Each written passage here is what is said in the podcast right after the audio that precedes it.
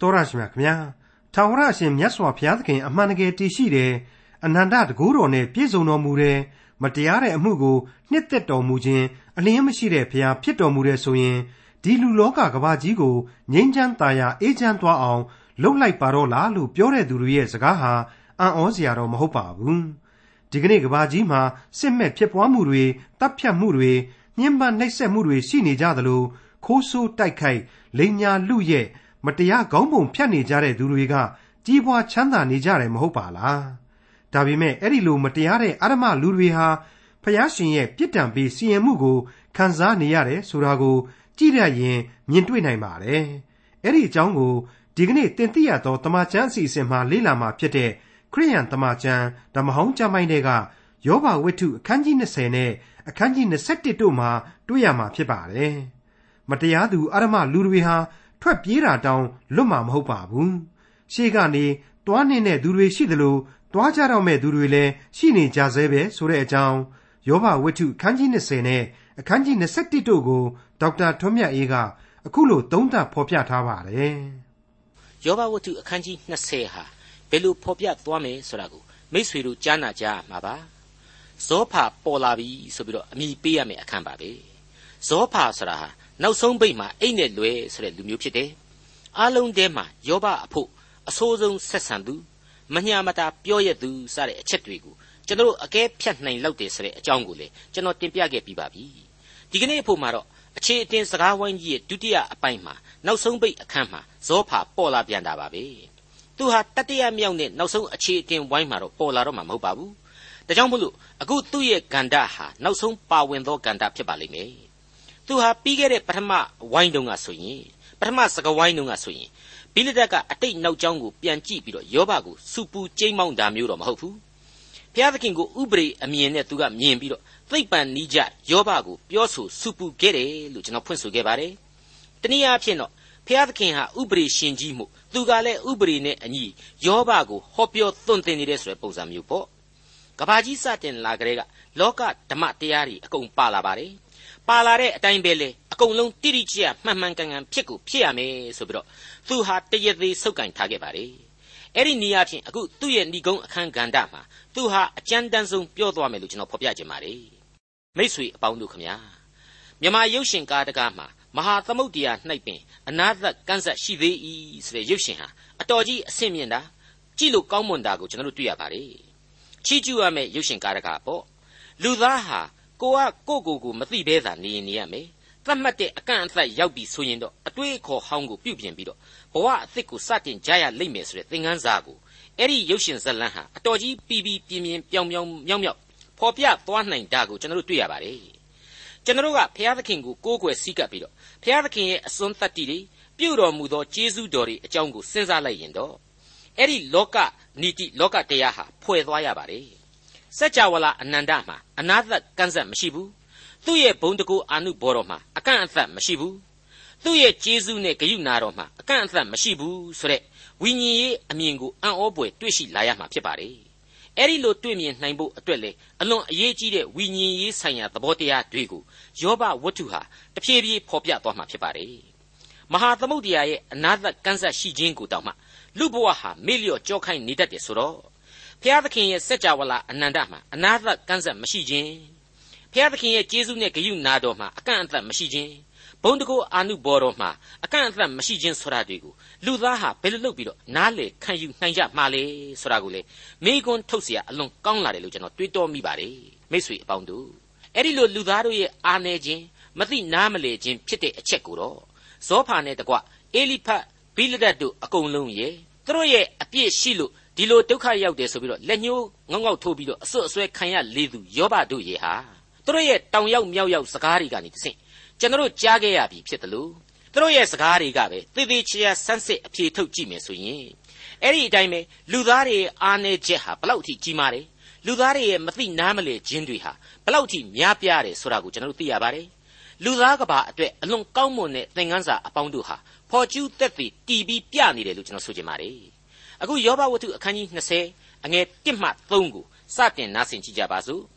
တဖန်နေမတ်အမျိုးသားဇောဖာမွဲ့ဆိုသည်ကားငါပြန်ပြောရမည်အကြောင်းငါစိတ်နှလုံးသည်နှိုးဆော်သောကြောင့်ပြောကျင်သောစိတ်အားကြီး၏ငါသည်ကိုခံရသောကဲ့ရဲ့ပြစ်တင်ခြင်းစကားကိုကြား၍ငါညံသဘောနှိုးဆော်သဖြင့်ငါပြန်ပြောရ၏ရည်စရာအတော်ကောင်းနေသူ့ရဲ့စကားအ내အတိတ်ပဲကိုသေချာဘာသာပြန်ကြည့်ရင်အတော်ရည်စရာကောင်းနေတာတွေ့ရတယ် ငါလူကအငြိမ်နေခြင်းပေမဲ့ငါရဲ့ဉာဏ်ပညာတွေကဖြောက်ဖြောက်ဖြောက်ဖြောက်နဲ့ထပြီးတကိုးပြလာလို့ပြောရမှဖြစ်မယ်ဆိုပါလားအဲ့ဒီအတိတ်ပဲအငယ်၄မှ9ရှေးဥစွာသောကာလလူကိုမြေကြီးပေါ်မှနေရာချစကာလမှစ၍သို့သောသူသည်ကြာမြင့်စွာကာလမဝါကြွားရကြောင်းကို၎င်းအရမလူသည်ခဏသာဝမ်းမြောက်ကြောင်းကို၎င်းမသိသလောသူ၏ဘုံသည်မိုးပေါ်သို့တက်၍သူ၏ခေါင်းသည်မိုးတိမ်တိုင်အောင်မှီတော်လေမိမိမစင်ကဲ့သို့အစဉ်ပြက်လိမ့်မည် သူ့ကိုမြင်ဘူးသောသူတို့ကထိုသူသည်အဘယ်မှရှိသနည်းဟုမေးကြလိမ့်မည်ဒီနေရာမှာကတော့ဘိလဒတ်အတိုင်းပဲသမိုင်းပညာရှင်ကြီးလူလိုဘာလူလိုအတိတ်ကိုသူပြန်ပြီးတော့တွေးထားတာတွေ့ရတယ်ပမောက္ခကြီးလူလိုဘာလူလိုနဲ့အတိတ်ကိုပြန်ပြီးတော့ကိုးကားတယ်ကမ္ဘာသမိုင်းမှာအတ္တမလုတ်တဲ့လူတွေဘယ်နှယောက်များကြာကြာကြီးပွားတာရှိလို့လဲတဲ့ခွေးယူကောင်းစားရင်တမွန်းတဲ့ဆိုတာတကယ်ချင်းမသိဘူးလားတဲ့အဲ့ဒီအတိတ်ပဲပဲမိษွေအပေါင်းတို့ယောဘဝတ္ထုရဲ့အဖွဲအနှဲ့တီဟာ တမန်ကျမ်းစာတော်မြတ်မှာတော့အလွန်ပျောင်မြောက်တဲ့တင်စားဖွဲ့ဆိုချက်တွေပဲလို့ကျွန်တော်ဆိုချင်ပါတယ်။ကြပြာသမားစာသမားဖြစ်ခြင်းတဲ့လူတွေအဖို့အလွတ်တောင်ကြက်ထားနိုင်ရင်အကျိုးရှိနိုင်မှာအမှန်အသေးချပါပဲ။အခုကြည့်ပါဦး။မိုးတိမ်အထက်ကိုတက်ပြီးတော့မာမာနတွေကိုဘလောက်ပဲဖက်ထားထားအဲ့ဒါမှသမားမှန်လို့ရှိရင်တော့မစင်ဘဝရောက်ရမှာမဟုတ်ချတဲ့အတော့ကိုရသမြောက်တယ်ပြည်ပြင်းတယ်ပွင့်လင်းတယ်လို့ကျွန်တော်ဆိုချင်ပါတယ်ခွေးယူကောင်းစားတမွန်းတဲဆိုတာနဲ့ပတ်သက်လို့တော့ရိုင်းတယ်များမထင်ကြပါနဲ့နော် အရမသမားဆိုရင်နှုတ်ကပတ်တော်ဟာဘယ်တော့မှရေမွှေးဆွတ်ပြီးတော့ဟန်ဆောင်ပန်းဆောင်အလျှော့ပေးတာမတွေ့ရပါဘူး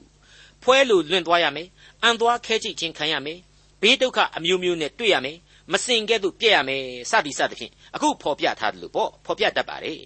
တခုပဲစဉ်းစားဖို့ကောင်းတာကတော့အခုကြားခဲ့ရတာခဏဆိုတဲ့ကာလတမွန်းတဲ့ဆိုတဲ့ကာလဟာဘလောက်တိုးတယ်လဲရှည်တယ်လဲဆိုတာကိုအတိအကျမပြောနိုင်ခြင်းပဲတချို့လူရန်ကားများဟာအစင်တစိုက်ကောင်းစားသွားတယ်လို့ပဲမြင်ရတတ်ပါတယ် ဘာပဲဖြစ်ဖြစ်အတိအကျအတိအကျဆုံးပြောနိုင်တာကတော့အလွန်ပြတ်သားတဲ့အချက်ဖြစ်ပါတယ်သူတို့ဟာကဲတင်ချင်းတရားကိုသာအချိန်မီလက်မခံပဲနေကြည့်ဖျားသခင်ရဲ့အပြစ်ဒဏ်နဲ့စီရင်ခြင်းကိုတော့ခံကိုခံကြရလိမ့်မယ်ဆိုတဲ့သစ္စာတရားပဲဖြစ်ပါတယ်အငယ်၈မှ၁၄သူသည်အိမ်မက်ကဲ့သို့လွင်ပြား၍နောက်တဖန်မတွေ့ရညယူပါယုံကဲ့သို့ကွယ်ပြောက်ရလိမ့်မည်သူ့ကိုမြင်ဘူးသောမျက်စိသည်နောက်တဖန်သူ့ကိုမကြည့်မရှုရသူ၏နေရာသည်နောက်တဖန်သူ့ကိုမမြင်ရ သူ၏သားတို့သည်ဆင်းရဲသားတို့ကိုဖြောင်းပြရကြ၏သိုထားသောဥစ္စာကိုကိုလက်နှင့်ပြန်ပေးရကြ၏သူ၏အယိုးတို့သည်ပြိုသောအရွယ်၏အရှိန်နှင့်ပြည့်စုံသောလေသူနှင့်တကွမြေမှုန့်၌အိပ်ရကြလိမ့်မည်သူသည်မိမိပါးစပ်၌ဒုစရိုက်ကိုချိုနိုးထင်၍မိမိရှာအောက်မှဖွက်ထားလျက်နှမျောသဖြင့်မစွန့်ရက်ဖဲမိမိပါးစပ်၌ငုံတော်လေစားပြီးလျင်သူ၏ဝန်းထဲမှသဘောပြောင်း၍မွေစိုးအစိတ်အတောက်ဖြစ်လိမ့်မည်မိษွေအပေါင်းတို့ခမညာ လူဆိုးတို့အရမလူတို့ရဲ့ဖြစ်ချင်းသဘောတွေကိုကြားရပြီဆိုတော့ဒီအပိုင်းမှာမိษွေတို့အတော့ကိုစိတ်လှုပ်ရှားမှုရှိကြလိမ့်မယ်လို့ကျွန်တော်တွေးမိပါတယ်အကယ်၍များအခုပြောနေတဲ့ဇောဖာရဲ့စကားတွေထဲမှာဒါတွေဟာလူဆိုးတွေကြီးပဲမဟုတ်ဘူးလူဆိုးလူကောင်းလူအပေါင်းတို့နဲ့ကပထိတ်သီးဆိုတဲ့သူတော်စင်ကြီးတွေအပါအဝင်လူမှန်တွေဟာဖျားသခင်ကသာအလိုတော်နဲ့ခံစားစီဆိုလို့ရှိရင်ဒီဒုက္ခတွေကိုမလွဲမသွေခံစားကြရတတ်တာကြီးပဲဆိုတာကိုထည့်ပြီးပြောလိုက်မယ်ဆိုရင်တော့ စိတ်လှုပ်ရှားမှုတွေဟာစိတ်ပြက်တဲ့အဆင့်အထိနှိမ်ဆင်းသွားလိမ့်မယ်လို့ကျွန်တော်တွေးမိပါတယ်အခုတော့ဇောဖာဟာအဲ့ဒီဖြစ်တတ်သောအမှန်တရားကိုနားမလည်လို့မပြောနိုင်သလိုကျွန်တော်တို့တွေဟာလေဇောဖာကပြောရင်မကျေနပ်နိုင်အောင်ပဲဖြစ်နေကြမှာအသေးချပါပဲဒါကြောင့်လေဒီသစ္စာတရားကိုဇောဖာကထည့်ပြီးမပြောနိုင်သလိုကျွန်တော်တို့တွေကလည်းကြားရရင်လက်သင့်မခံနိုင်တဲ့ဝိညာဉ်သဘောတရားအသစ်တွေဟာ ယောဘဝတ္ထုထဲမှာဆက်လက်ထုံမှန်းထားလျက်ရှိနေတယ်ဆိုတာကိုကျွန်တော်ကအလေးနဲ့ဒီနေရာမှာသိစေချင်ပါတယ်ယောဘဝတ္ထုအခန်းကြီး20အငယ်15မှ21သူမျိုးသောစီးစိမ်ဥစ္စာကိုတဖန်အံရလိမ့်မည်ဖျားသခင်လည်းသူ့ကိုဝန်းနှုတ်တော်မူပြီးသူသည်မွေစိုးအစိတ်အတောက်ကိုစို့၍မွေဟောက်ကြိုက်သဖြင့်သေရလိမ့်မည်အသွဲသွဲသောမြစ်နို့နှင့်ပြားရည်စီးသောမြစ်တို့ကိုမမြင်ရမိမိလှုပ်၍ရသောဥစ္စာကိုမိမိမသုံးမဲပြန်ပေးရ၏ ပြန်ပေးရသောဥစ္စာဖြစ်သောကြောင့်အားရခြင်းမရှိရဆင်းရဲသားတို့ကိုညှင်းဆဲစွန့်ပစ်၍မိမိမဆောက်သောအိမ်ကိုလူယူသောကြောင့်၎င်းလောဘမပြေနိုင်သောကြောင့်၎င်းအလိုရှိသောဥစ္စာတစ်စုံတစ်ခုမျှမကျွင်းဆုံးရှုံးရလိမ့်မည်သူလူယူခြင်းသောလောဘလက်နှင့်အဘယ်အရာမျှမလွတ်သောကြောင့်သူဤစည်းစိမ်မတီးရထုံးစံအတိုင်းမန်ဖီလာတဲ့စကားတွေပါယောဘဟာလောဘသားကြီးတယောက်မို့လို့ဒီလိုအဖြစ်ဆိုးတွေနဲ့တွေ့ကြုံတာပဲနေမှာပဲ ဒါဟာသဘာဝကြတယ်ဆိုတာကိုဇောဖာထည့်ပြောခြင်းဖြစ်ပါတယ်လူဆိုးတို့ဤကြဆုံးကအနိဋ္ဌာယုံမြင်ကွင်းများကြီးပဲဖြစ်ပါတယ်အဲ့ဒီလူဆိုးတို့ရဲ့ကြဆုံးခြင်းဟာလူကောင်းဖြစ်တဲ့ယောဘမှလည်းခံစားနေရတယ်ဆိုတာကိုမငြင်းနိုင်ပါဘူးဒါပေမဲ့ဇောဖာရဲ့တွက်ကိန်းမှားကြီးဟာအဖြေကိုမှားယွင်းသွားစေပါလိမ့်မယ်ဒါကိုမိษွေတို့အဖြေပေါ်တဲ့အချိန်မှာတွေ့လာပါလိမ့်မယ်ယောဘဝတ္ထုအခန်းကြီး20အငယ်23မှ29အဆုံးအထိသို့တော်လည်းသူသည်ဝစွာစားရ၏ ဖျားသခင်သည် အမျက်တော်အရှိန်ကိုလွှတ်၍သူစားစရာဘို့ အမျက်တော်မိုဃ်းကို ရွာစေတော်မူမည်။သံလက်နက်ကိုရှောင်၍ပြေးသော်လည်း ကြေးဝါလေးဖြင့် ထုတ်ချင်းခွင်းလိမ့်မည်။မြှားကိုနှုတ်လျှင် မိမိကိုယ်ထဲက ထွက်လာ၏။အရောင်တောက်သောထားသည် သူ၏သည်းခြေထဲက ထွက်လာ၍သူသည် မိန်းမောတွေဝေလျက်နေရ၏။ခပ်သိမ်းသောဘေးတို့သည် သူ့အဖို့ သိုထားလျက်ရှိကြ၏။လူမမွေးသောမီးသည် သူ့ကိုလောင်လိမ့်မည်။သူ၏နေရာ၌ကြွင်းသမျှသောအရာတို့ကို လောင်လိမ့်မည် မိုးကောင်းကင်သည်သူ၏အပြစ်ကိုဖော်ပြ၍မြေကြီးသည်လည်းသူ့တစ်ဖက်၌ထားလိမ့်မည်သူ၏အိမ်၌ရှိသောဥစ္စာသည်ကွယ်ပြောက်၍အမျက်တော်ထွက်သောနေ့၌ရေကဲ့သို့စီးသွားလိမ့်မည်ထိုသို့သောဆုလက်ကိုဘုရားသခင်သည်လူဆိုးအားပေးတော်မူ၏ထိုသို့သောအမွေဥစ္စာကိုဘုရားသခင်ခွဲဝေစီရင်တော်မူသည်ဟုမွဲ့ဆို၏မိတ်ဆွေအပေါင်းတို့ခမညာ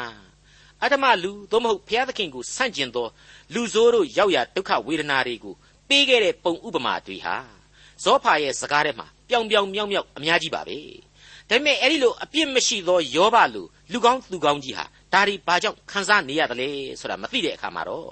ဒီပြဿနာရဲ့အဖြေကိုလည်းဘယ်နည်းမှမရနိုင်တော့ပါဘူးတစ်ချိန်တည်းမှာပဲအဲ့ဒီလိုဘလောက်ထိမိုက်မဲဆိုးသွမ်းသောသူပင်ဖြစ်စေကမူခံစားရဒုက္ခဝေဒနာတွေကြားတဲ့ကနေဘယ်လိုဘယ်လိုဘဝရဲ့လွတ်ရလန်ရှိနိုင်တယ်လဲဆိုတာကိုလေဇောဖာဟာဖော်ပြနိုင်ခြင်းအရှင်းမရှိပါဘူးတကယ်တော့လောကရန်ဖီစည်းနှိပ်စက်ခြင်းတွေ ဘဝမုန်တိုင်းတွေဘလောက်ပဲတက်ရောက်လို့နေပါစေကမ္ဘာသမိုင်းရဲ့အတိတ်ပြစ္ဆုတ်ပံအနာဂတ်ကာလသုံးပါးစလုံးမှာဘုရားသခင်ရဲ့တန်ရှင်းသောဝိညာဉ်တော်ဟာလူသားနဲ့နေရန်တစ်ချက်သာခြားပြီးတော့တည်ရှိနေပါတယ်အဲ့ဒီနေရန်ကတော့ဇာတိပဂရိရဲ့အပြစ်နေရန်ကြီးပဲဖြစ်ပါတယ်အပြစ်တိုင်းကြီးဆိုပါတော့အဲ့ဒီအချက်ကိုသဘောပေါက်ရင်စစ်မှန်တဲ့နောင်တတရားကျိုးပဲ့ကြေမွသောစိတ်ဓာတ်များနဲ့ယုံကြည်ခြင်းတရားအဖြစ်အပြစ်တိုင်းကြီးကိုဖြိုဖျက်ပစ်ပြီးတဲ့နောက်ဝိညာဉ်တော်ရဲ့လမ်းပြခြင်းနဲ့အတူ ဒီလောကရန်ကိုအောင်ကြရမှာဧကန်အမှန်ဖြစ်ပါတယ်ခရစ်တော်ဟာရှင်ယောဟန်ခရစ်ဝင်ကျမ်းအခန်းကြီး14အငယ်16အရာအခုလိုဖော်ပြခဲ့ပါတယ်ထိုဝိညာဉ်တော်ကိုလောကီသားတို့သည်မသိမမြင်သောကြောင့်မခံမယူနိုင်ကြထိုဝိညာဉ်တော်သည်သင်တို့နှင့်အတူတည်နေ၍သင်တို့၌ရှိတော်မူသောကြောင့်သင်တို့သိရကြ၏ဆိုပြီးတော့ဖော်ပြထားခြင်းဖြစ်ပါတယ်ဒီနေရာမှာခရစ်တော်ကလောကီသားတို့သည်မသိမမြင်သောကြောင့်မခံယူနိုင်ကြလို့ဆိုထားတာဟာ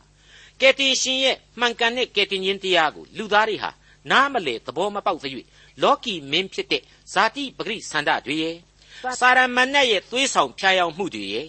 အဲ့ဒီနောက်ကိုသာလိုက်ပါနေမိတဲ့လူသားတွေကိုဆိုလိုခြင်းဖြစ်ပါတယ်သင်တို့နဲ့အတူရှိနေပြီမို့သင်တို့သိကြ၏ဆိုတာကတော့သူ့ရဲ့တပည့်တော်တွေဟာသူနဲ့အတူရှိနေပြီပြီမို့သိကြလိမ့်မယ်ဆိုတော့ဖော်ပြလိုက်ခြင်းဖြစ်ပါတယ်ဟုတ်ပါတယ်လောကရန်ဆင်းရဲခြင်းတွေကြားထဲမှာနစ်မြုပ်နေရတဲ့ယောဘဟာ ဝိညာဉ်တော်ကိုဝိုးတော်ဝါမပီမပြင်းမျှတာအာကိုခိုလှုံမိနိုင်တဲ့အဆင့်မှာပဲရှိနေပါသေးတယ်ဇောဖာနဲ့အပေါင်းအသင်းကြီးတွေကတော့လောကနဲ့သက်ဆိုင်တဲ့အတွေ့အကြုံအစွဲအလန်းတွေအတွေးအခေါ်တွေကိုသာအားကိုးရင်းနဲ့လမ်းလျှောက်ရင်းနဲ့လမ်းပြောက်နေကြတယ်လို့ပဲဆိုလိုက်ပါရစေအခုအချိန်မှာတော့ယောဘဝတ္ထုအခန်းကြီး21ကိုကျွန်တော်တို့ရောက်ရှိလာပါပြီကျွန်တော်အထက်ကသင်ခန်းစာတွေမှာပြောခဲ့တဲ့အတိုင်းပဲယောဘဟာကိုကိုကိုဆက်လက်ခုခံကာကွယ်နေပါတယ်မခံခြင်းစိတ်တွေနဲ့ပြေဝနေပါသေးတယ် အလုရှုပ်ခံနေတယ်ဆိုတာကိုလည်းဆက်ပြီးကျွန်တော်တို့တွေ့ရပါလိမ့်ဦးမယ်အလုရှုပ်ခံနေတယ်လို့ကျွန်တော်ပြောတာသူ့ကိုမခံခြင်းစိတ်တွေခုခံကာကွယ်နေတာတွေကျွန်တော်မလုပ်စေချင်တော့ဘူးဘုရားသခင်ရဲ့အလိုတော်ကိုသာစောင့်စားနားဆွင့်မှုသင့်ပြီဒီလိုခုခံကာကွယ်နေတာတွေဟာသူ့ဖို့မိုက်မဲရရောက်တယ်ဒါကြောင့်မလို့အလုရှုပ်ခံနေတယ်လို့ကျွန်တော်ခံယူခြင်းဖြစ်ပါတယ်ယောဘဝတ္ထုအခန်းကြီး21အငယ်1မှ6ယောဘပြန်၍မွဲ့ဆိုသည်ကား ငါစကားကိုစိတ်စိတ်နားထောင်၍ငါအားနှစ်သိမ့်ခြင်းကိုပြုကြလော့ငါပြောရသောအခွင့်ရှိစေခြင်းဟာသိခံကြလော့ငါပြောပြီးမှပြည့်ရပြုခြင်းလင်ပြုကြလော့ငါမြည်တမ်းသောအရာနှင့်လူဆိုင်သလောအဘယ်ကြောင့်စိတ်မတူသင့်သနည်းငါကိုကြည့်ရှုလျက်မိမောတွေ့ဝေ၍သင်တို့ပါဇက်ကိုသင်တို့လက်နှင့်ဖုံးအုပ်ကြလော့ငါသည်အောက်မေ့သောအခါမိမောတွေ့ဝေ၍ကိုယ်အသားသည်တုန်လှုပ်လျက်ရှိ၏ငါကိုနှစ်သိမ့်နိုင်ဖို့အရေးမှာငါပြောတာတွေကိုမင်းတို့စိတ်စိတ်နားထောင်ကြပါတငယ်ချင်းတို့ အဲ့ဒီလိုမှနားမထောင်တိုင်ပဲဒီအတိုင်းဆိုရင်တော့မင်းတို့ပါဇက်ပေါက်ကလေးတွေကိုကျေးဇူးပြုပြီးတော့ပြန်ပြီးပိတ်ထားကြပါတဲ့ပြီးတော့မှငါဖြစ်ရတွေဟာလူနဲ့မဆိုင်ဘူးဘုရားသခင်နဲ့ပဲဆိုင်တယ်ဒါကြောင့်လဲယောဘဟာဘုရားသခင်ကိုဝိုးတော်ဝါမပီမပြင်းအားကိုခိုလုံတဲ့စိတ်ရှိနေတယ်လို့ကျွန်တော်ပြောခဲ့တာပါသူဟာကိုစားကံကယ်တင်ရှင်ကိုတော့တောင့်တခြင်းအပြင်ခရစ်တော်ကိုမသိစိတ်မှရှာဖွေခဲ့တယ်တပြိုင်နက်တည်းမှာရှိမှရှိပါမလားဆိုတဲ့သင်္ကာရနဲ့မကင်းတဲ့အမှုအရာတွေလည်းရှိခဲ့တယ် ဘုရားသခင်ကိုဝိုးတော်ဝါမပီမပြင်းမျှော်လင့်မိတယ်အဲ့ဒီလိုမျှော်လင့်ခြင်းနဲ့တူပြိုင်မယ်သေရင်အေးတာပဲဆိုတဲ့စိတ်သက်ပြက်ပြားမှုတွေလည်းပေါ်ထွန်းနေခဲ့တယ်ဆိုတာကိုကျွန်တော်တို့သုံးသပ်နိုင်ပါတယ်ယောဘဝတ္ထုအခန်းကြီး21အငယ်9မှ73လူဆိုးတို့သည်အသက်ရှင်ုံမျှမကအဘယ်ကြောင့်အသက်ကြီး၍ဘုံစည်းစိမ်နှင့်ပြည့်စုံကြသနည်းသူတို့သားသမီးတို့သည်သူတို့ပတ်ဝန်းကျင်အရ၌၎င်းသူတို့အမျိုးအနွယ်သည်သူတို့ရှေ့မှောက်၌၎င်းနေရာကျကြ၏ သူတို့အိမ်များသည်လည်းဘေးနှင့်လွတ်၍ငြိမ်ဝတ်ကြ၏ဖျားသခင်တန်ခတ်တော်မူခြင်းနှင့်ကင်းလွတ်ကြ၏သူတို့နွားလားသည်မချွတ်မလွဲအရွယ်လိုက်တတ်၏နွားမသည်လည်းဝန်းပိုးမပြက်ဖွာတတ်၏သူတို့သူငယ်များကိုသိုးစုကဲ့သို့လွှတ်၍သားသမီးတို့သည်ကခုန်တတ်ကြ၏သူတို့သည်ပတ်သာနှင့်စောင်းကိုတီးလျက်ပြီးချင်းဆို၍နှဲခရာမှုတ်တန်နှင့်ဝမ်းမြောက်တတ်ကြ၏ပျော်မွေ့လျက်အသက်ကာလကိုလွန်စေ၍ချက်ချင်းသေမင်းနိုင်ငံသို့ဆင်းသက်တတ်ကြ၏ လူသားဟာထစ်ခနဲဆိုတာနဲ့ထထអော်ရတဲ့ထစ်ခနဲဆိုတာနဲ့လူအချင်းချင်းကိုပဲလှည့်ကြည့်ပြီးတော့လောကကြီးပေါ်ကမြင်ကွင်းတွေနဲ့ပဲဘဝကိုတိုင်းတာသုံးသပ်ကြတယ်ဆိုတာဒီနေရာမှာရှင်းနေပြီမဟုတ်တန်တရားလှုပ်တဲ့လူတွေကောင်းစားကြတာချမ်းသာကြီးပွားကြတာတတော်တော်ဝမ်းမြောက်ပြီးတော့ဟာတိုက်နေကြတာတွေကိုကြည်ပြီးတော့ဒင်းတို့ကြတော့ဘုရားသခင်ကလည်းဘာမှမလုပ်ဘူးငါကြတော့နှိမ့်ဆက်တယ်ဆိုတာမျိုးယောဘဟာသဘာဝကြကြတွေးလာရတယ်ဒါပေမဲ့အဲ့ဒီလောက်နဲ့တော့ငုံတိတိရမထားပါဘူးအရေးကြီးတဲ့အချက်တစ်ချက်ကိုဆက်ပြီးတော့သူပြောပါတယ် အငယ်14နဲ့15ဘုရားသခင်အားလဲငါတို့ထံမှထွက်သွားလော့ကိုတော်ဤတရားကိုငါတို့မသိလို့ဟူ၍၎င်းအနန္တတကုရှင်သည်အဘယ်သို့သောသူဖြစ်၍ငါတို့သည်ဝတ်ပြုရမည်နီသူကိုဆုတောင်းနှင့်အဘယ်အကျိုးကျေးဇူးရှိလိမ့်မည်နီဟူ၍၎င်းဆိုတတ်ကြ၏အတ္တမလူဘုရားသခင်ကိုဆန့်ကျင်သူတို့ရဲ့ဇယိုက်လက္ခဏာတွေထဲမှာအဆိုးဆုံးအချက်ကတော့သေတဲ့အချိန်တိုင်အောင်ဘုရားသခင်ကိုစွန့်ပယ်ကြခြင်းပဲဖြစ်ပါတယ်ဒီအချက်တွေကိုယောဘသရိယာလာပြီးတော့ စောစောပိုင်းကသူဘုရားသခင်အပေါ်မှာမတရားပါလားဆိုတဲ့တန်တရားများစွာရှိနေခြင်းကနေပြီးတော့အသည့်တရားသစ်တို့တဖန်ပြန်လဲဝင်ရောက်လာတာပဲလို့ကျွန်တော်တို့သတိပြုနိုင်ပါတယ်အခုဒီအချက်တွေကိုယောဘဟာအများကြီးဆက်လက်စဉ်းစားလာပုံကိုဆက်ပြီးတွေ့ရပါတယ်ယောဘဝတ္ထုအခန်းကြီး21အငယ်16မှ20သို့တော်လေသူတို့သည်ကိုစည်းစိမ်ကိုကိုမပိုင်ကြမတရားသောသူတို့၏အကြံအစီကိုငါသည်ဝန်မခံ မတရားသောသူတို့၏မိကွက်သည်သေ၍သူတို့ကိုဖျက်ဆီးခြင်းဟာဘုရားသခင်သည်အမျက်တော်ထွက်သဖြင့်ဘယ်နှကြိမ်ဘေးဥပတ်တို့ကိုစီရင်တော်မူဘူးသည်ကို၎င်းသူတို့သည်လေရှိမှအမိုက်နှင့်မုန်တိုင်းတိုက်သောဖွဲကဲ့သို့ဘယ်နှကြိမ်ဖြစ်ဖူးသည်ကို၎င်းဘုရားသခင်သည်သူ၏အပြစ်ကိုသူ၏သားသမီးတို့အဖို့ဘယ်နှကြိမ်သိုထားတော်မူဘူးသည်ကို၎င်းသူသည်ကိုယ်တိုင်သိ၍